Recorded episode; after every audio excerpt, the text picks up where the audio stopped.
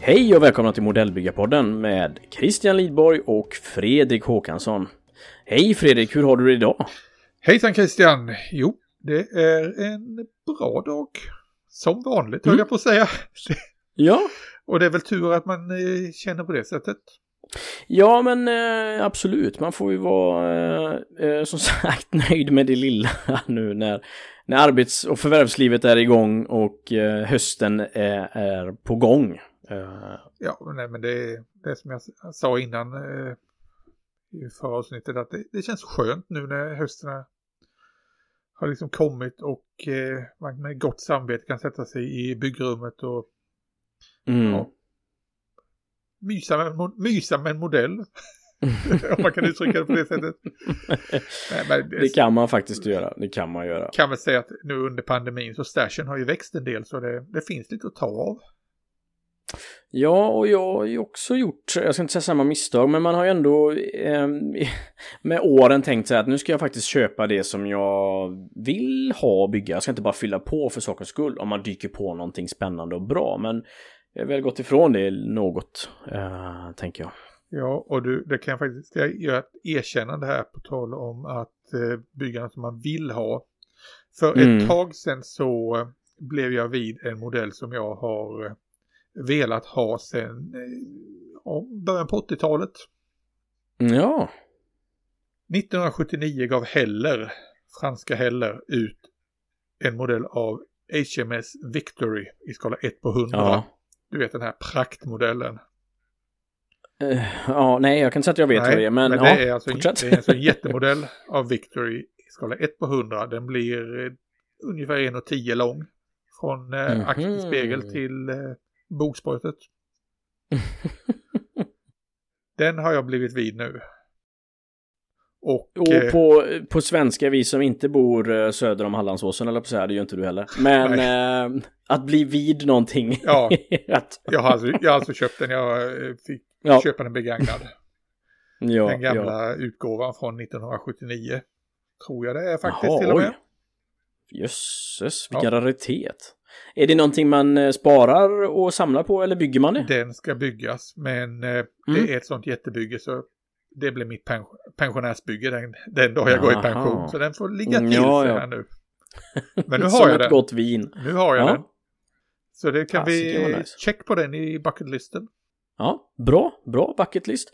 Eh, Jag har ju faktiskt påbörjat ett, ett videoprojekt också, det har jag faktiskt inte nämnt innan. Men det är ju, eh, tanken är att jag ska visa hur jag målar stenar, berg och eh, grus, eller på att säga. Nej men, eh, lite blandad stenkompott. Eh, och så är tanken att jag ska lägga upp det på YouTube. Så att det får vi se om eh, jag har tekniska kompetenser som krävs för det.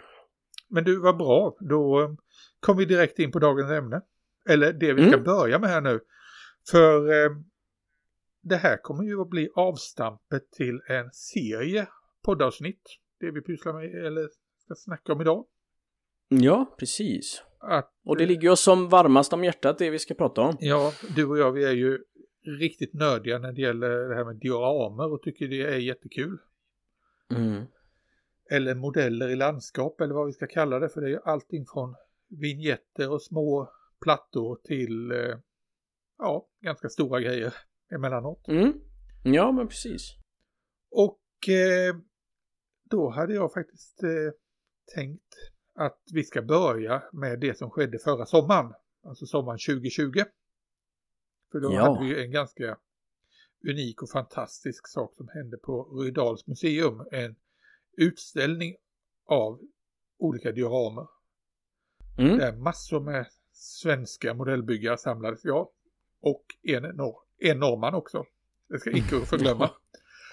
Per- Per-Olof ja. Lund var med. Mm. Mm. Hans grejer. Och mannen som låg bakom hela den utställningen var ju Pontus Karlweitz. Ja, och han är själv också eh, modellbyggare. Han är modellbyggare. Och Mm. förutom att han då är intendent på eh, museet.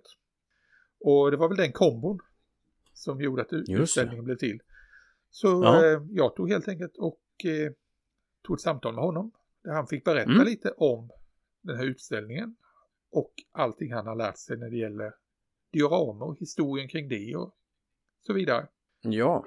Och eh, det blir en ganska lång intervju så vi ska inte prata mer här du och jag just nu. Nej, så att vi kör igång direkt här helt enkelt. Rulla bandet.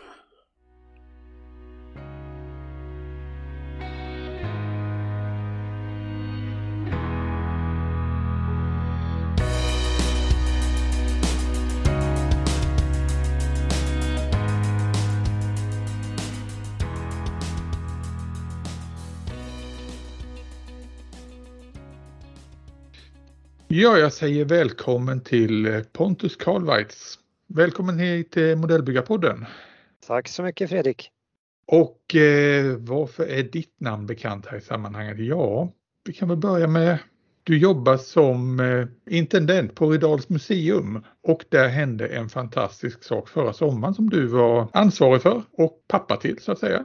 En utställning ja. om dioramer. Och vi ska strax ta och prata lite mer om den biten och om eh, dioramer i ett större perspektiv. Men först, eh, vem är du? Vad är din bakgrund? Ja, som modellbyggare, ja, jag, det är som många andra. Jag höll på en del eh, perioder ganska intensivt i, i unga år. Jag är inte så här purung längre. På 70-80-talet var det väl som mest intensivt. Jag och kompisar, vi byggde eh, monogrambilar dragsters eh, och ju, ju freakigare desto bättre liksom och bjärtare färger och så smacka på med mängder med metallicfärger eh, både under och över och så där. Men sen, men i övrigt det med måla karosser och så, det struntar vi i för plasten var ju ändå färgad i fräcka färger. Så. Men om jag ska analysera mig själv varför jag överhuvudtaget liksom började och varför det där intresset alltid har funnits i bakgrunden så skulle jag nog eh, behöva gå tillbaka till min morfars hobbyrum. Eh, min morfar Paul, han eh, bodde i en förort till Stockholm i ett radhus och Eh, jag var väldigt mycket hos mormor och morfar som liten och eh, morfar han eh, arbetade under sitt yrkesliv som illustratör inom reklamvärlden.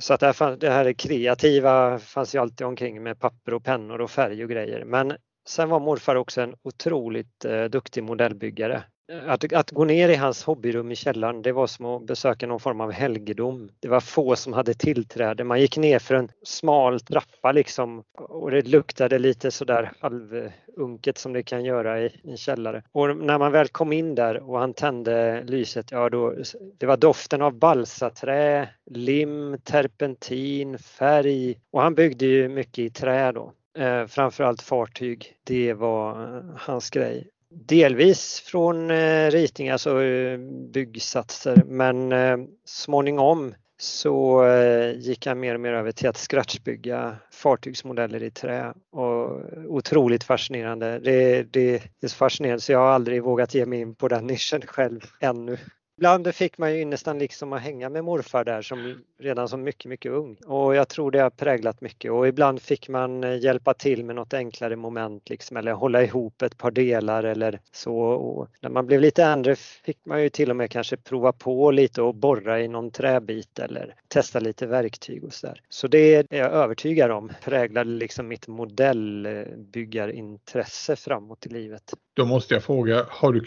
har du någon av din morfars modeller? Ja, tyvärr ingen av dem scratchbyggda för han, han byggde mycket på beställningar då. Alltså, så han byggde mot betalning får man säga. Mm. Ofta. Eh, som skulle sen ges som gåvor i olika sammanhang och så vidare. Men jag har eh, en eh, Billing Boats eh, skuta som heter Lilla Dan som morfar har byggt. Eh. Men det är en klassiker? Det är en klassiker, precis. Den är lite medfaren och den är dammig och den eh, står eh, faktiskt här eh, på Sommartorpet där jag befinner mig nu då och väntar på renovering. Så det är ett projekt jag har att renovera den här lilla dagen då. Den behöver riggas om och, det, och putsas upp och sådär. Så det har jag kvar efter morfars modellbygge. Men då förstår jag lite varför du, du har trillat in på fartyg, vilket du har gjort här nu. Ja, och den andra viktiga anledningen till, till just det, för det, det är väl en korrekt iakttagelse du gör där att eh, när jag har återfallit i modellbyggandet efter ja, nästan 20 års uppehåll så där, det är ju ett vanligt fenomen har jag förstått i, bland modellbyggare. Man har en intensiv period där i, i, någonstans i tonåren liksom och sen kommer det så mycket annat med plugg och eh, familjebildning och så vidare mm. däremellan. Så att, eh, men sen någonstans så har man det där alltid med sig så hittar man tillbaka till det. Och jag hittar tillbaka till modellbyggarhobbyn någonstans kring 2000 sådär. Men då var det återigen först eh, till bilbyggandet. Det kände jag mig bekväm med på något sätt. Det var ju där jag liksom hade lämnat då någonstans mm. innan uppehållet. Men men nu har det blivit lite fartyg och gärna i, i diorama då. Fartyg i stormiga hav tycker jag är spännande. För att återkomma till vad det beror på då. Ja, jag får väl återigen skylla lite på mina morföräldrar. De hade nämligen, förutom radhuset utanför Stockholm, så hade de ett fantastiskt sommarställe ute i Stockholms skärgård på en ö utanför eh, Vaxholm kan man säga i närheten där. Och där tillbringade jag och mina yngre syskon hela somrarna i stort sett. Och eh, saken med den här ön då och deras eh, sommarhus det var att vette ut mot farleden mellan Stockholm och eh, ja, Finlands, alltså ut mot Finland och Baltikum kan man säga. All, alla färjor och alla fraktfartyg och kryssningsfartyg som skulle in mot Stockholm och så där, de passerade ju liksom revy där. Så man lärde sig att memorera de olika fartygens namn och ibland åkte vi ut med snurr, snurrebåten och kolla nära om det var något riktigt spektakulärt kryssningsfartyg eller, eller något flottbesök. Då var det ju särskilt spännande alltså. Det är också uppväxten har präglat mig, alltså dragningen till havet. Och sen har vi det här med dioramer. Som du sa, att eh, du tycker om stormiga hav. Men du har även gjort lugna vikar vet jag i modell. Ja, det stämmer. Hur jag kom in på detta med dioramabyggande det var faktiskt genom eh, mitt förra jobb. Eh, min förra arbetsplats eh, det är ett besöksmål, en stort, stor herrgård utanför Nyköping på östkusten. Då. Nynäs slott och naturreservat och det ligger vid kusten där. Saken var den att i strandlinjen på, i det här området då, Eh, vid en vik där, så så finns det fortfarande, om än väldigt eh, svår, eh, vad säger vi, svårupptäckta idag, det finns eh, ingrävningar i stranden där och det vart jag nyfiken på och fick reda på att det här, där hade ju, där, under beredskapstiden så var ju eh, marinens eh, spaningsflyg baserat där. Det var alltså en beredskapsbas för Saab 17 maskiner, den marina versionen med flottörer då. Ja, ja det där väckte ju mitt eh, historiska intresse kan vi säga då. Så när jag fick reda på den historien då väcktes tanken att det här borde vi liksom illustrera i eh, modellform på något sätt för besökarna alltså i naturreservatet. Det började med att det sattes upp en sån här sedvanlig informationsskylt då med lite text och bild. Då tog jag nämligen reda på om det fanns någon eh, byggsats tillgänglig av Saab 17 i den versionen då och det föll sig så väl att det råkade finnas Marivox byggsats i skala 1 till 72 mm. av och den kunde byggas med de här eh, pontonerna då eller flottörerna. Så jag, eh, jag helt fräckt föreslog till min eh, dåvarande chef där att vore det inte väldigt käckt att illustrera det här terrängavsnittet i modellform så att besökarna kan se ungefär eller få en en aning om hur det kan ha sett ut under beredskapsåren. Och det är min chef eh, där just då råkade vara väldigt liberal och öppen för förslag. Eh, så det sa han ja till. Så att eh, jag hade den stora lyckan att på arbetstid ska vi tillägga att detta var höst-vinter när, när själva besöksanläggningen inte är så mycket frekver, frekventerad av besökare. Då började jag jobba med detta och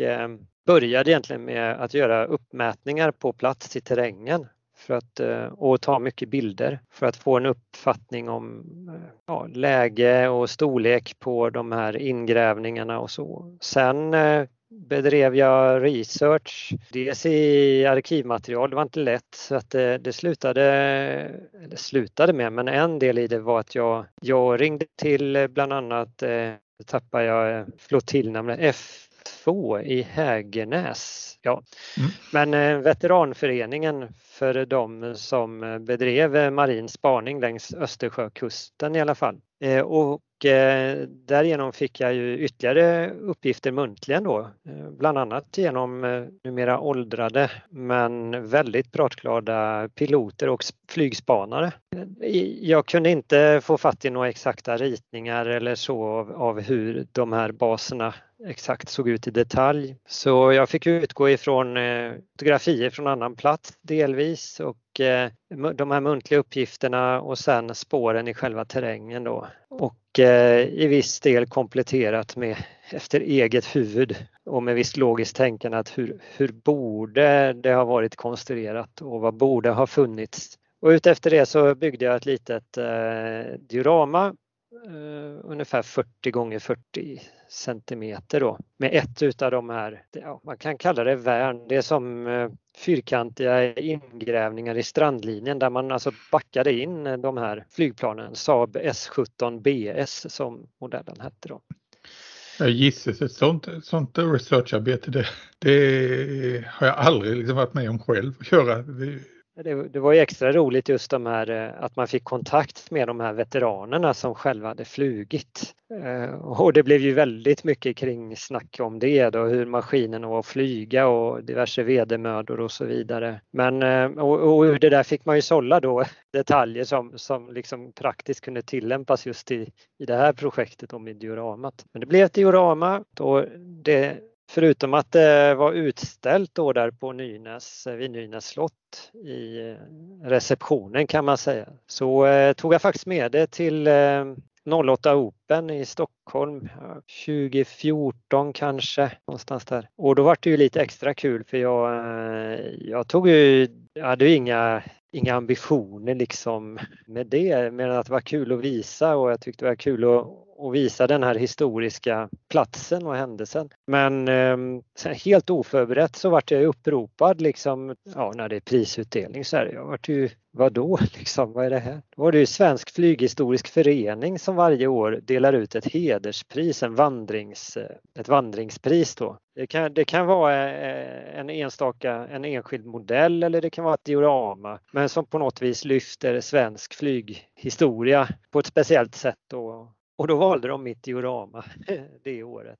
Otroligt häftigt alltså. Ja, det, det var helt otippat så jag var smått chockad efter det. Men det var jätteroligt och då fick jag ju lite, ja, man får ju lite mer smak alltså. Och det, det har ni varit inne på tidigare i podden också, att det är att besöka de här tävlingarna och mässorna inte kanske primärt för tävlingens skull utan för inspirationen, alltså att ta del av andras byggen och, och få tips om tekniker, material.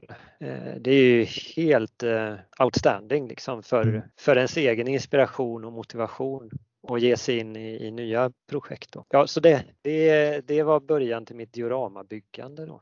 Och sen tog du med dig den här tanken när du bytte jobb har jag då förstått. Och du hamnade nere på Rydals museum i Marks kommun.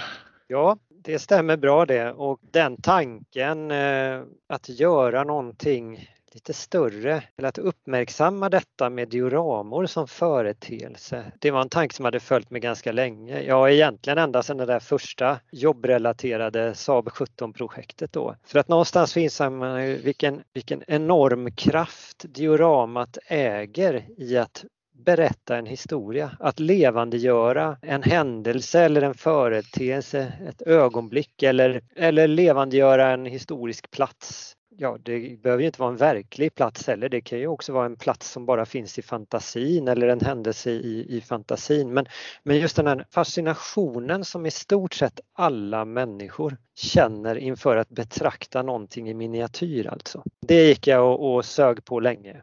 Och då visade det sig att eh, min nya arbetsplats då, där jag bland annat ska vi säga har som uppgift att planera in olika utställningar, ha kontakt med utställare av alla slag. Det kan ju vara allt ifrån konstnärer till folk som samlar på kapsyler. Ja, det har jag inte haft kontakt med men kollegorna har haft det längre tillbaks vet jag. Jag höll, konst... säga, jag höll, på att säga, det får vi ta ett separat avsnitt om nästan. På Precis. Det, det Nörderiet. Ja. Att höra mer om det. Eller eh, konsthantverkare. Så att eh, jag kände också i, i, i, personalgruppen där så finns en, en väldigt liberal inställning till att eh, kasta ur sig eh, tokiga idéer eller bra idéer eller alla slags idéer egentligen. Man behöver inte vara rädd för att komma med idéer helt enkelt. Och var väl kanske 2018 året efter jag hade börjat där och så hade jag gått och grunnat på detta med diorama lite mer så började jag väl lyfta det här lite mer runt fikabordet att eh, skulle man inte kunna göra en utställning kring det här med, med dioramor och, och de flesta förstod kanske inte först riktigt vad jag menar. Några tänkte men ska vi bygga upp liksom miljöer i naturlig storlek då? Alltså må, många har ju fortfarande, om man inte är inne i modellbygge så så finns fortfarande äldre, ska vi säga, betydelsen eller den alternativa betydelsen av diorama fortfarande kvar som tillämpades på museerna eh, framförallt lite längre tillbaka och det var just att bygga upp tredimensionella miljöer i naturlig storlek eh, för att visa till exempel djur eller mm, dockor påklädda i folkdräkter eller exotiska folkslag eller vad det nu var. Det var också dioramor. Så att eh, många förknippar ju diorama fortfarande med det på någonting. På något sätt. Så jag fick, jag fick ägna lite tid åt att förklara vad just jag menade med dioramor. Landskapsmodeller i miniatyr då och så. Ja, mm. då började jag förstå. Och eh, och tyckte att det där lät ju spännande faktiskt. Så att eh, jag fick eh, skriva ihop en liten eh, ett synopsis, en projektbeskrivning och som jag illustrerade med lite bilder jag plockade från nätet så för att ytterligare belysa vad diorama kan vara och hur bred genren är alltså. Att det, för en del andra förknippar ju direkt, ja men det är väl bara stridsvagnar och så här liksom i ja, krigsscenen, ja det är, det är en stor del av genren. Eh, kanske fortfarande en dominerande del av den men, men sen vill jag ju belysa att det är mycket, mycket bredare än så. Det finns mycket inom fantasy, science fiction, film, eh, gamingvärldar, alltså spelvärldar. Ja, det, dioramor är ett brett, kan innefatta ett brett spektrum av modeller, helt enkelt miniatyrer. Alltså du fick alltså då eh, ja, det slog rot helt enkelt hos sina kollegor att det här var en bra idé. Det slog rot, ja. Och, och, det var väl ett par år innan själva utställningen kunde genomföras då.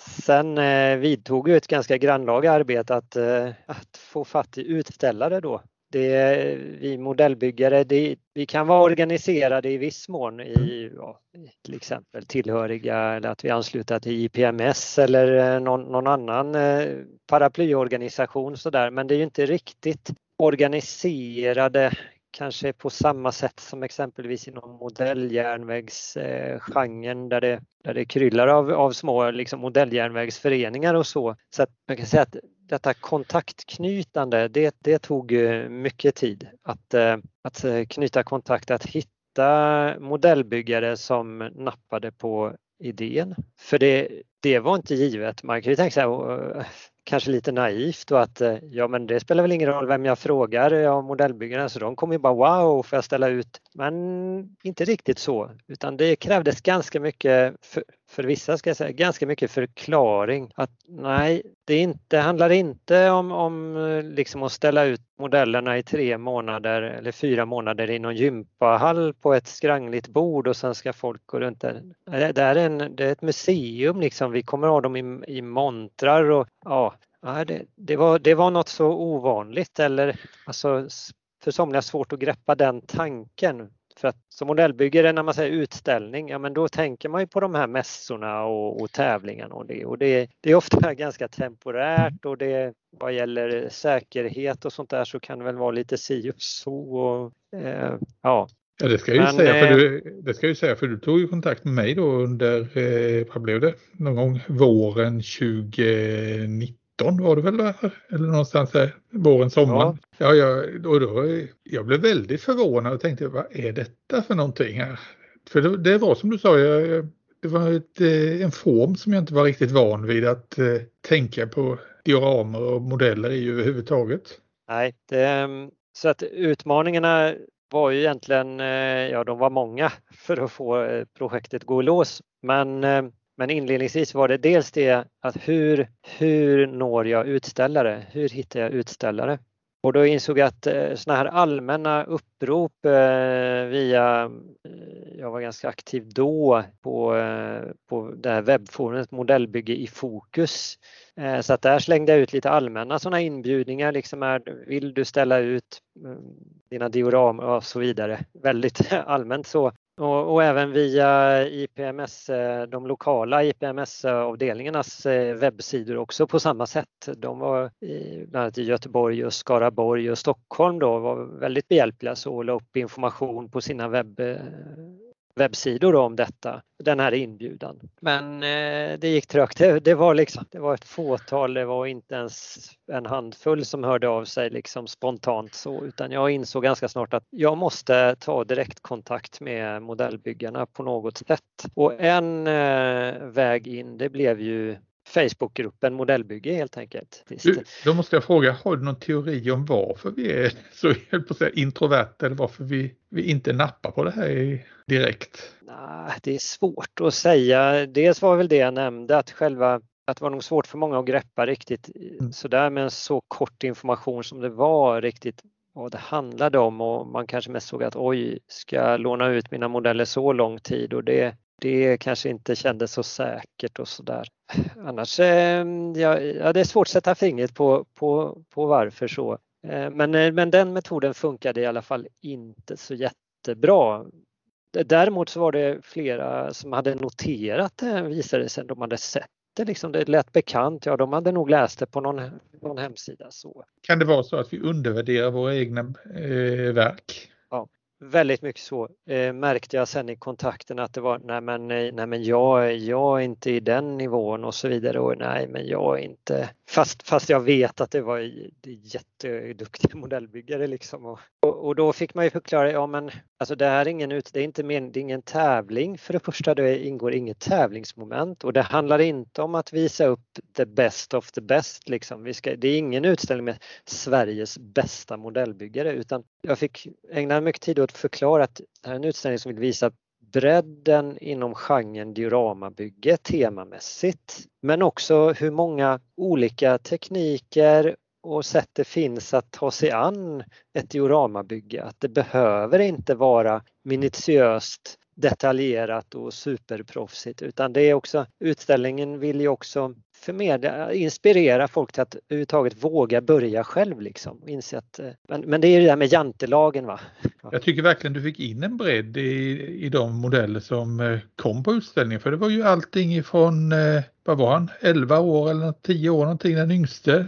Ja, Edvin hette han va, ja. från äh, Mölndal tror jag. Ja, han var ja. väl 11-12 år ja. ja.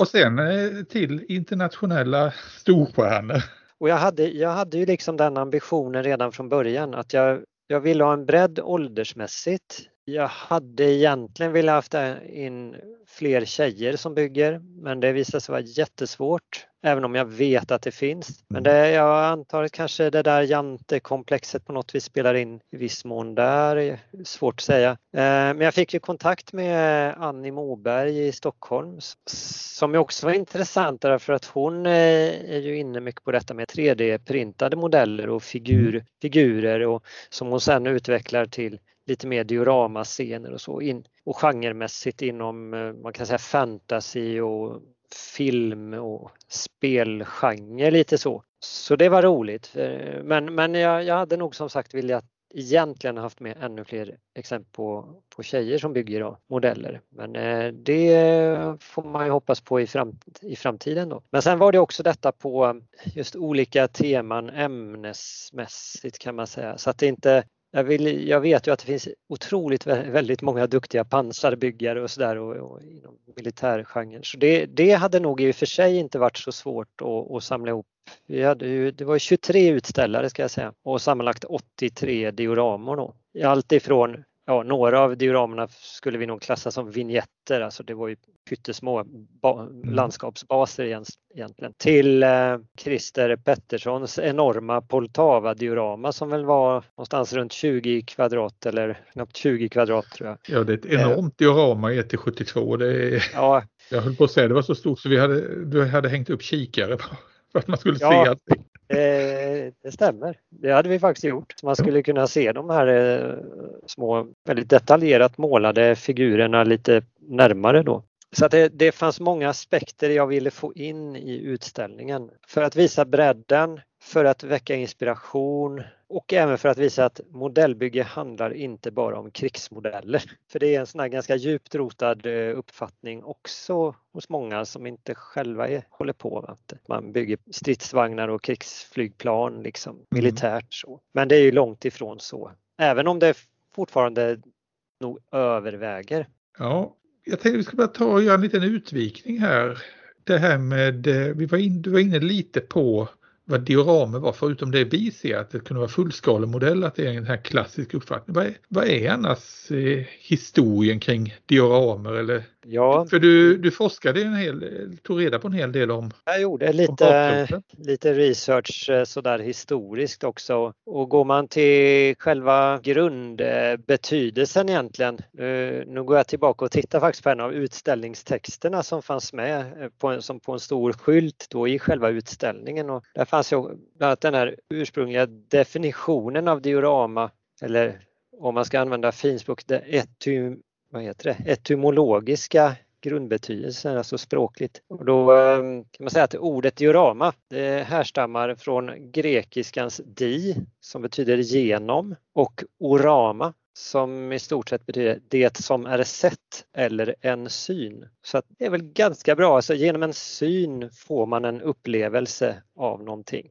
En, en återspegling med andra ord av någonting. En återspegling av, av någonting som har skett, så, en syn. Eh, ska man se sen historiskt till eh, dioramer, det är ju ingen ny företeelse som sådan. Där att, att skapa världar eller eh, så eh, avbildningar av verkligheten i miniatyr eller eh, inte alltid verkligheten men eh, landskap i miniatyr. Och något som eh, jag tycker var intressant i det sammanhanget, det var ju, man brukar ofta hamna i det gamla Kina, de ska ju alltid vara väldigt först med allting i Kina. Och även så i dioramabyggets historia då, eh, därför det visar sig att eh, fanns en eh, kinesisk eh, författare som levde mellan år 145 till år 86 före Kristus. Och han beskriver eh, till exempel i en, han är en historieskrivare då. Och där beskriver han hur man i Kina då använde topografiska landskapsmodeller i olika sammanhang, inte minst militärt då för att planera olika militära uppdrag kan vi säga, fälttåg och så. Sen var det en lite senare eh, kines där under Tang-dynastin mellan 600-talet och 900-talet efter Kristus vi är nu då. Då är det en, eh, en kille som heter Yang Fang och han ger faktiskt ut en hel bok som heter En skrift om, att konst, om konsten att konstruera berg av ris. Det vill säga en handbok i landskapsmodellbygge. Och eh, lite efter honom så kommer en annan författare som heter Shen Ko. Då är vi inne på 1000-talet efter Kristus här. Och eh, han eh, beskriver hur han eh, skapar en landskapsmodell med en blandning av sågspån, trä, bivax och lim av vetestärkelse. Det, är, då är vi alltså på 900 000-talet. Eh, det, det är ganska häftigt. Så att, ja, jag höll på att säga det. Nästa, det, är, ja, det är nästa modellbyggartips också som skulle funka idag. Alldeles säkert. Ja. Det, nu vet jag inte exakt vilken sammansättning han hade på de där komponenterna men man utgick ju ifrån material som fanns till hands. Sen hur beständiga materialen var och hur länge de där modellerna var tänkta och, och existerade, det, det vet jag ju inte då. Sen finns det ju historiskt sett också just, just i militära syften kommer man ju ofta in på det här med att, att dioramor används som en sorts tredimensionell form av karta. Så att eh, när man planerar sitt fälttåg där också, också tar topografin, det blir överskådligare på det viset. Det, det finns ju gott exempel på det men eh, det finns ju också tidiga exempel på eh, det här att man avbildar eh, komplexa byggnadskonstruktioner i modell. Det kan ju sägas vara en form av dioramor. Det eh, har ett exempel här. Det fanns en bildhuggare i Bayern på 1500-talet. Han hette Jakob Santner och han eh, beskriver hur han tillverkar modeller av flera bayerska städer. Eh, så det är en sorts eh, stadsdioramor då han skapar, stadsmodeller. Det tangerar ju hur modellbygge används av, av arkitekter och stadsplanerare idag kan man säga. Under Ludvig den XIVs eh, tid eh, lät ju hans krigsminister som hette Louvois, han eh, tog initiativet till att låta tillverka 144 stycken modeller över franska befästningar. Kanske inte riktigt diorama då, jag vet ju inte hur de där såg ut. Vissa av dem, det finns ett hundratal bevarade utav de modellerna. Jag har aldrig sett dem. Skulle vara väldigt intressant att se hur de ser ut. Och sen, och då kommer man ju liksom in på hur, vilket kraftfullt redskap ändå det är liksom för att visualisera en plats eller och i det här fallet i, i ett planeringsarbete då kan man säga. Mm. Och jag tog ju också med där som ett lite sentida exempel på ungefär samma sak. Det är ju hur, hur japanerna planlade överraskningsanfallet på Pearl Harbor den 7 december 1941. Bland annat med hjälp av en tredimensionell, ett diorama kan vi säga, över flottbasen Pearl Harbor i samma syfte, alltså för att göra det åskådligt och kunna prova olika inflygningsrutter och, och scenarion då. Istället för att bara göra det på en tvådimensionell karta så ville man ha, ha liksom det tredimensionella också med topografin. Hawaii är ju ganska bergigt bitvis. Så att dioramor eh, i den bemärkelsen som miniatyrmodeller har ju funnits med oss länge ändå. Och sen eh, i pedagogiska syften så kommer man ju över då på de där museidioramorna. Och där är det lite intressant i det sammanhanget kanske att framhålla att eh, det första museum i världen, så vitt man vet, som byggdes med eh, utgångspunkt från fullskaledioraman. Det var Biologiska museet i Stockholm på Djurgården i Stockholm. Det ligger ju precis nedanför Skansen Ja. byggdes 1893 och det grundades ju av en man som heter Gustav Kolthoff. Han var zoolog för det här gällde det att visa, eh, visa djur, uppstoppade djur i naturliga miljöer då. Och eh, den här Gustav Kolthoff han var ju kompis med konstnären Bruno Liljefors som ju då fick i, i uppdrag att arrangera de här dioramerna, bygga upp eh, själva landskapsmiljöerna och tillsammans med en annan konstnär, Gustav Fjästad, eh, måla bakgrunderna i de här fullskaledioramorna då. Eh, ett fantastiskt museum. Tyvärr tror jag att det fortfarande hålls stängt. Eh, Man har problem med mögel och fukt och sånt. Det behöver är saneringsarbeten. Men dioramerna finns kvar då alltså? Ja, allt finns. Det var på vippen att det brann upp 2008. Det utbröt eh, eldsvåda, eh, men man lyckades ingripa så snabbt som man räddade detta. Alltså. Men då, då, då handlar det om fullskaledioramor. Statiska miljöer uppbyggda i, i full skala och i det fallet med fokus just på, på djurliv då. Ja, och sen under 1900-talet då har vi haft eh, hobbybyggande. Ja, det, Det har, varit modell, det har varit modelljärnvägar och en massa olika inspirationskällor misstänker jag. Ja, precis. Själva modellbyggandet som hobby betraktat, det, det kan man säga, det blir ju all, mer brett allmänt förekommande under 1900-talet. Mm. Heller i takt med att vanligt folk i viss mån får någon sorts form av fritid eller tid över utöver att arbeta och sova och äta. Så modellbygge som hobby har ju förekommit längre tillbaks men då i, ska vi säga, mer privilegierade samhällsklasser. Eh, och, och det har ju också funnits otroligt skickliga professionella modell och dioramabyggare. Sen, eh, sen eh, finns det ju faktiskt när man tittar lite historiskt också, så det här med diorama hänger lite ihop med tenngjutning och tenn, när tennsoldater börjar komma i bruk och då är det ofta pensionerade officerare, inte minst brittiska officerare har jag förstått. Det förekom säkert i andra nationer med men där jag har läst så var det, så var det just brittiska officerare som på något vis ville levandegöra sina minnen från slagfält och så genom att göra rekonstruktioner av olika bataljer i miniatyr då och då ofta med hjälp av eh, tennfigurer i, eh, i landskapsmodeller då som kunde vara mer eller mindre detaljerade. Och en del av, av dem där finns ju finns ju också bevarade sådana fantastiska bataljscener då i miniatyr och det kan man ju säga det är någon sorts pensionärshobbyprojekt för gamla militärer då. Jaha och sen då som sagt eh, om vi tar ett, tar ett skutt framåt. Nu har du, då lyckades du 2020 få in dioramerna i kulturens finrum, säger jag lite vanvördigt här. Ja. Eh... Och som sagt, jag kan ju säga att jag baxnade ju och tänkte att fasen, det här är ju det här är någonting helt unikt. Det här är fantastiskt. Ja, man ska ju inte förhäva sig på något sätt men mig veteligen och får gärna någon rätta mig om jag har fel, men mig veteligen i alla fall i, i något sån här nutid så har inte det arrangerats någon motsvarande utställning på ett museum i alla fall. Eh, alltså ska vi säga en mer formaliserad utställning då som vänder sig till en väldigt bred publik. Jag vet ju att det, det finns flera museer som under kortare perioder upplåter lokaler och så modellbyggeutställningar. Vi har ju exempel från Flygvapenmuseum i Linköping mm. till exempel på det. Men då handlar det om ganska korta, korta företeelser och, eh, och väldigt, eh, ja, i det fallet nischat mot just flyg och flyghistoria då förstås av naturliga skäl. Men eh,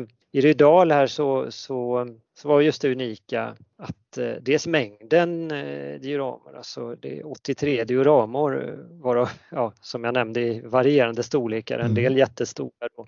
Också i kombination ska vi nämna med visst inslag av modelljärnväg som jag tycker är intressant för att det tangerar liksom dioramats idé. Även om fokus lite mer där beror, beroende på vilken genre inom modelljärnvägandet man, man räknar sig till. Men, men där kan ju lite mer vara fokus just på, på trafiken då, på spåren och, och på det rullande materialet. Men det finns ju också modelljärnvägare som lägger största fokuset på själva landskapet och detaljerna i det. Så att det, det griper i vartannat eh, tycker jag. Det behöver bara gå tillbaka till Uno Miltons fantastiska järnväg på Tekniska museet. Det är ju ja. mycket, mycket landskap där. Det är nästan bara landskap höll jag på att säga. Den, den eh, besöktes frekvent av mig som, som liten i sällskap med morfar då företrädesvis. Otroligt fascinerande. Och jag, jag, tycker inte på något vis eh, det ligger något motsatsförhållande. Du nämnde det med kulturens finrum och så. Det, man ska ju kanske säga det att just Rydals museum är ju första hand ett arbetslivs och industrihistoriskt museum. Det är ju, ligger ju i ett gammalt spinneri från mitten av 1800-talet och sådär. Så att det är ju inte ett renodlat konst eller eh, designmuseum eller så då, utan eh, museets roll, liksom många museers roll, det är ju, det är ju långt mycket mer än att visa enbart historia eller historiska föremål eller att, eh, att eh, visa konst i, i olika former då. Utan uppdraget det handlar ju mycket om att visa utställningar som engagerar, som känns aktuella i samtiden, som inspirerar som också kan vara inslag ibland i en samhällsdebatt och så vidare. Så att det är väldigt brett vad, vad museets roll är utställningsmässigt så. Sen har vi ju naturligtvis mer renodlade konst och fotoutställningar och, och så också. Men eh, som sagt, det, det, finns, eh, det är högt i tak vad gäller eh, valet av utställningsteman och det, det känns ju väldigt befriande att jobba eh, med de flexibla ramarna då. Men jag vill ju också hävda, när vi var in, in lite på det, att vad, vad är egentligen konst då? Liksom ja, vad är konst i det här läget? Ja, och det, det är nog en sån här evighetsfråga som kan stötas och blötas. Vad är konst? Det har man gjort länge. Är att ställa ut en flasktorkare eller en, en bidé på ett podium i en konsthall, är det då konst? Ja, det är ett klassiskt exempel från tidigt 1900-tal. Men eh, det, det, var lite också syftet med den här utställningen ska jag säga. Man har ju en liten baktanke där och det, det är också att lyfta, att jag, jag vill liksom lyfta modellbyggandets status lite grann. Kanske man kan hävda att det är, att det är lite knep man tar till då, men, men det är ett faktum. När du ställer någonting på ett ordentligt podie under en monter, fixar schysst belysning, då blir det något annat än när det står på ett skrangligt masonitbord i en gympahall liksom. Mm. Eller, eller när det står hemma i bokhyllan och dammar för all del. Det, alltså det händer någonting med, för, med objektets status, bara det. Sen kan man ju i, i förlängningen säga att det kanske händer någonting med objektets status bara för att du ställer ut det på ett museum. Liksom. Redan då har du i, i många människors liksom sinne så, åh, det ställs ut på ett museum, ja men då måste det vara någonting extra liksom. Då, då, finns, det, då finns det något värde i detta utöver det vanliga. Det, det är märklig psykologi men det fungerar så. Och sen det där att det, att det ställs på, på ett podie, det är skyddat och då förstår man också att det här, det här är någonting fint. Liksom. Och då på något vis så, så har det nog, vill jag hävda, oavsett nästan vad det är så gör det det så Sen kan man debattera men, men då blir det konst på något vis. Inte så att det inte var konst innan men, men i psykologiskt sett i människors sinne liksom så, mm. så blir det då konst. Sen man ska fundera vidare på detta med konstbegreppet. Det är ju, jag tycker ju inom, inom modellbygge, så man ser så många exempel på modellbyggare som verkligen gör något eget. Visst, du har, du har givna i, viss mån om du inte är helt scratchbygger men ofta du utgår ifrån vissa givna delar. Va? Men det, det är ju sällan som någon bara smackar ihop de där bitarna som ett pussel och sen är det klart. I alla Nej, fall vi, vi, vi brukar gå lite längre. Alltså man till, som modellbyggare tillför man ju väldigt mycket eget. Alltså det, förutom själva arbetet. Nu, man kanske inte kan hävda att bara för att jag har lagt ner mycket jobb på någonting så är det konst. Det kanske man inte kan säga. Men det är ju det här att man tillför någon dimension till ett objekt va, som gör att det får ett annat värde. Eh, som gör att det här döda tinget faktiskt eh, förmedlar en känsla, berättar en historia. Då tycker jag att då är vi ju på samma egentligen våglängd som vad en konstnär vill åstadkomma när man börjar måla färger på en duk. Det kan vara väldigt enkelt eller det kan vara oerhört detaljrikt men man vill ju man vill liksom förmedla någonting till betraktaren. Och det är precis det som jag anar att, att det liksom drivkraften hos många modellbyggare också. Man, man vill liksom dela med sig av den känsla som man eller den bild man har själv av det här. Man kanske har läst om det, man har gjort research eller man, man vill förmedla en känsla till andra. Jag kan ju säga att eh, när jag fick se mina modeller där på Rydals museum, det var som du sa, det, det, det, var, det var någonting psykologiskt som skedde i mig. Alltså det, det kändes väldigt, väldigt speciellt och eh, jag fick verkligen börja fundera på vad är det jag håller på med. Och det var, en, det var en positiv resa kan jag säga. Det, det stärkte mig. Där är du inne på en viktig aspekt, ett viktigt syfte med utställningen också. Dels i att lyfta liksom modellbyggandets status i allmänhetens ögon kan man säga. Och, och förståelse för vad modellbyggande kan vara. Men också faktiskt att, eh, att ge en, en, eh, en, en boost självkänsla till utställarna, till, modell, eller till modellbyggare generellt. Alltså att det, det man gör det är, inte, det är inte bara banalt och något banalt tidsfördriv utan det kan faktiskt förmedla mycket till en betraktare. Det, det kan väcka känslor, det kan få människor att fundera, det kan inspirera människor. Så att det, det, är mer än att man bara gör någonting bara för sitt eget tidsfördriv. Liksom. Även om det är en del i det hela. Och du, då måste jag fråga, hur blev responsen? Uppnådde du eh, dina intentioner?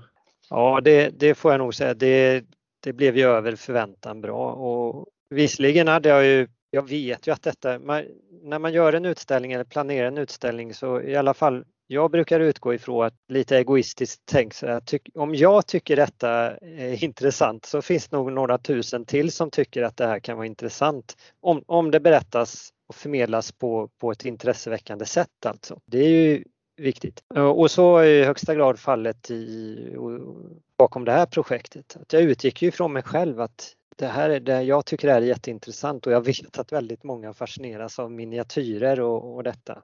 Nästan alla. Så redan där visste man att det här, det här kommer tilltala en bred målgrupp. Och eh, det följer väldigt väl ut. Utställningen den den visades under drygt fyra månader blev det väl från mitten på juni till slutet på september 2020. Det var ganska lång tid. Mm. Eh, och eh, när man räknade ihop det rent statistiskt så hade vi ungefär 5 500 besökare till den utställningen. Då ska vi ta i beaktande att pandemin och, och, lite farhågorna kring det började komma där och det började komma, eller vi hade ju att förhålla oss till eh, i viss mån lite restriktioner så där med att hålla ja och sånt. Och, och folk var lite osäkra. Men samtidigt så, så var det ju det här fenomenet hemestra. Att eh, istället för att flyga långväga till främmande land så upptäck vad du har att hitta i din närbygd. Så där, där följer denna utställningen väldigt väl in alltså. Och eh, tvärt vad, vad man kanske tänkte att det mest skulle vara lokal, lokala besökare så där Västsverige, Göteborg, mm. Borås. Så visade sig att det kom ju, kom ju besökare från hela landet alltså för att se på detta. Hade det inte varit för pandemin nu då så hade vi säkerligen haft många danska, norska besökare också. Vi hade ju med, det kan vi nämna, en, en av utställarna var ju en väldigt eh, framstående eh, norrman som heter Per-Olav Lund. Ja, Han det... förtjänar nästan ett eget poddavsnitt på norska tror jag. Ja. Och där berättade du ju för mig att du hade lite problem att få in hans grejer i Sverige. Tack vare ja, pandemin det just. Det var ju det där med stängda gränser och jag hade ju kontakt med Per-Olof innan pandemin och, och, han var ju väldigt positiv eh, till detta och vi var mer än välkomna att, att låna. Jag fick välja liksom dioramor. Vissa var ju redan utställda eller upplåsta då men, men i, i princip kunde jag bara välja och vraka bland hans byggen. Liksom att den där skulle vi gärna vilja visa den och han var väldigt positiv. Och han skulle ställa upp och, och köra ner med grejerna och så vidare. Men så kom detta pandemin och gränsen stängdes och vad gör vi nu liksom? För man, man, hade ju kunnat bara gett upp där. Äh, vi struntar i Per-Olof Lund och så får vi försöka hitta någon, någon annan. Men nej, jag ville så gärna få med hans eh, modeller också i det här. Det blev en, eh, ett logistiskt pusslande där efter många vilda planer. Vi tänkte vi, vi kanske kunde mötas mitt på Svinesundsbron och utväxla paket eller någonting mitt där. På gamla Svinesundsbron finns det ett streck draget som mm. det står Sverige och Norge på varsin sida.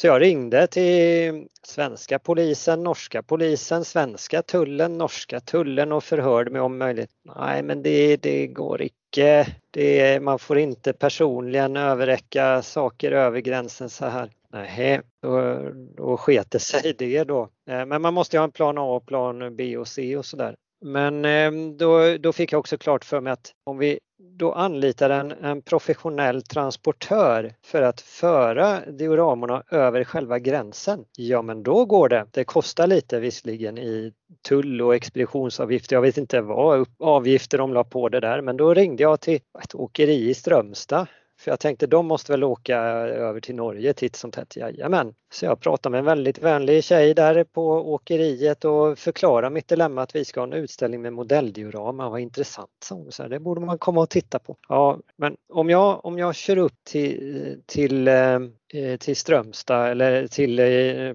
tullstationen vid norska gränsen i Svinesund där med de här grejerna. Har ni någon, skulle ni kunna hjälpa mig bara att få över de här kartongerna, eller tvärtom då i första vändan ska vi säga.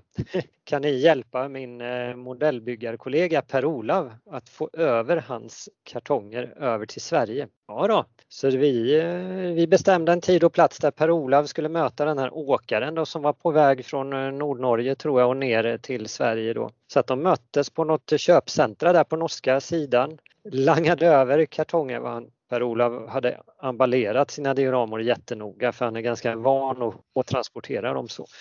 Eh, så det underlättade ju faktiskt. Men det är alltid lite, lite skrämmande när man ska låta någon annan transportera och dessutom i en stor lastbil då. Va? Men det löste sig. Så åkeriet eh, Per-Olav körde ner till eh, norska sidan. Last, lastade över, han last, lämnade över till åkaren där som lastade in det i sin lastbil. Tog det de par kilometer var det han körde in på svenska sidan till den svenska tullstationen och där eh, mötte jag upp och vi och tog hand om lådorna och körde ner dem till Rydal. Lite äventyr men eh, man får inte ge sig alltså. Jag är väldigt tacksam att du gjorde det. För det var jätteroligt att få se Per-Olofs modeller i, i verkliga livet. Ja, jag tror det är, det är många modellbyggare som har, som har sett dem på bild alltså. Mm. Både på nätet och kanske i, i någon av, av hans eh, böcker eller så. Men just det är ju en annan sak att få se det i verkligheten helt klart. Mm. Så det, det var jag väldigt tacksam att det ändå gick att lösa. Eh, jag kan ju bara säga det att eh, du har skrivit in modellbyggandet och dioramabyggandet i historieböckerna här genom att skapa den här utställningen. Hur ser framtiden ut nu då? Eh, ja, hur ser framtiden ut? Den ser väl ljus ut tycker jag. Alltså det är, utställningen har ju blivit en riktig snackis som man säger. Dels i modellbyggarkretsar men inte bara utan även bland museibesökare och personal generellt. Så att, känns det som man har en viss press på sig att göra någon form av uppföljning eller framöver knyta an till samma tema. Nu har ju också både kollegor och, och kulturförvaltningsledning blivit varse vilken otrolig attraktionskraft eh, den här typen av utställningar har. Vilket engagemang det skapar.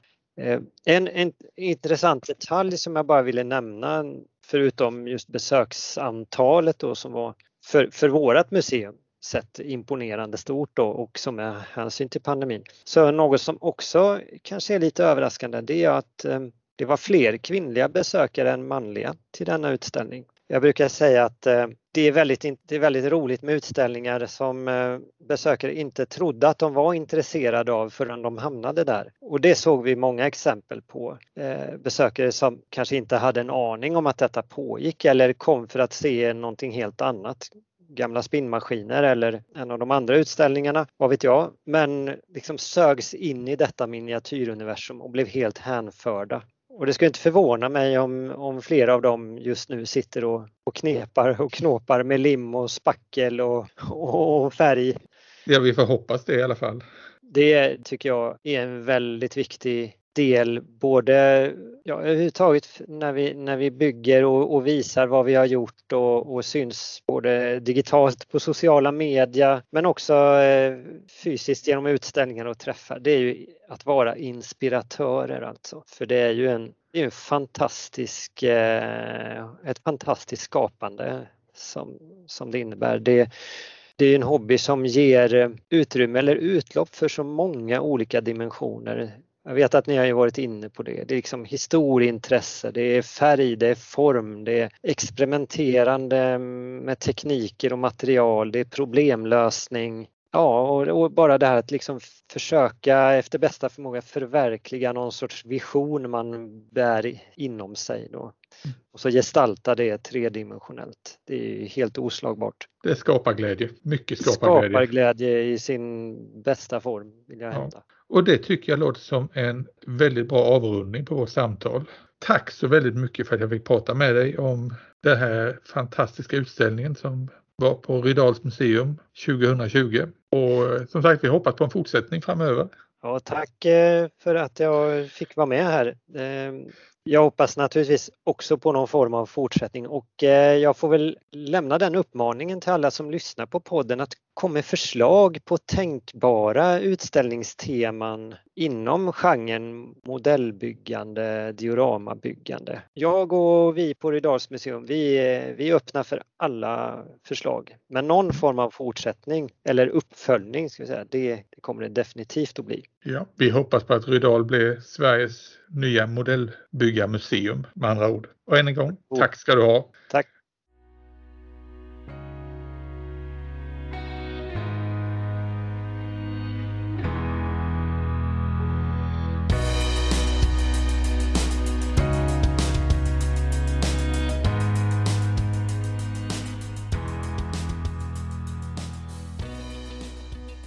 Ja, och eh, där hade vi samtalet mellan mig och eh, Pontus Karlweitz. Mm. Och eh, ja, vad ska vi säga om det? Det var spännande att höra både hans eh, äventyr med att få ihop hela utställningen, särskilt under pandemitiden. Mm. Och eh, väldigt intressant att höra den väldigt bra respons som det hela fick. Och det var ju en fantastisk utställning. Jag var ju som sagt själv med och eh, ställde ja. ut på utställningen. Och det var en ja. riktig hit. Det var, det kändes väldigt fantastiskt att eh, få se sina modeller i den miljön. Ja, och det är ju... Eh, jag ska inte säga att det är nästan första gången som det öppnas en portal till den verkliga civila världen, men på något sätt så när man har sina utställningar och tävlingar så är det ju klart, det är ju modellbyggare som kommer och tittar på andra modellbyggare, men i det här fallet så blev det ju en en, en, en folklig och civil, eh, ska man säga, upplevelse. Ja, och som Pontus sa, att det var en helt annan grej att eh, se det i den här snygga miljön i fina montrar och eh, ja, det var inte mm. bara de här masonitborden i en gympahall. Som Nej. vi är vana vid. Även om vi har, jag tycker det vi har väldigt proffsiga utställningar och tävlingar när det gäller miljöerna där. Men det här var någonting helt annat. Särskilt, Ja. särskilt det här med belysningen, lite dämpade belysning i lokalen, bra spottar. Ja, men då går det genast åt det vi har pratat om innan också. Om det är, är det konst det vi håller på med eller är det och så vidare. Det liksom går åt... Det håller på att vidröra en helt annan dimension Ja. av, av eh, det vi gör på något sätt. Så att... eh, Och eh, nej, jag fick just det du nämner, det var det, sådana tankar det cirkulerade ganska mycket i huvudet på mig under den sommaren 2020. Men vi får väl se, det här avsnittet tycker jag vi ska se som ett eh, avstamp för eh, vår serie nu om Mm. eh, dioramer eller modeller i miljö som vi kommer Precis. köra lite då och då under vintern Ja, höst och vinter Höst. och det är klart att... eh, och vår och Modeller nästa år. Och... Ja, vi kommer nog aldrig sluta med det, men vi kommer nog Nej. återkomma ganska mycket kring det och vi ska väl försöka reda ut och dela med oss av våra erfarenheter så mycket det går. Mm. Och det fina i kråksången är att modeller i miljö, det innefattar ju alla typer av modeller. Det är ju flyg och det är båt och det är bil och det är pansar och det är allt, allt, allt, Ja. allt. Men eh, vi säger väl så för idag? Det gör vi, det gör vi. Det har varit eh, en spännande timme, men vi eh, tackar för oss idag, så hörs vi framöver. Ha det gott! Detsamma, tack, hej hej!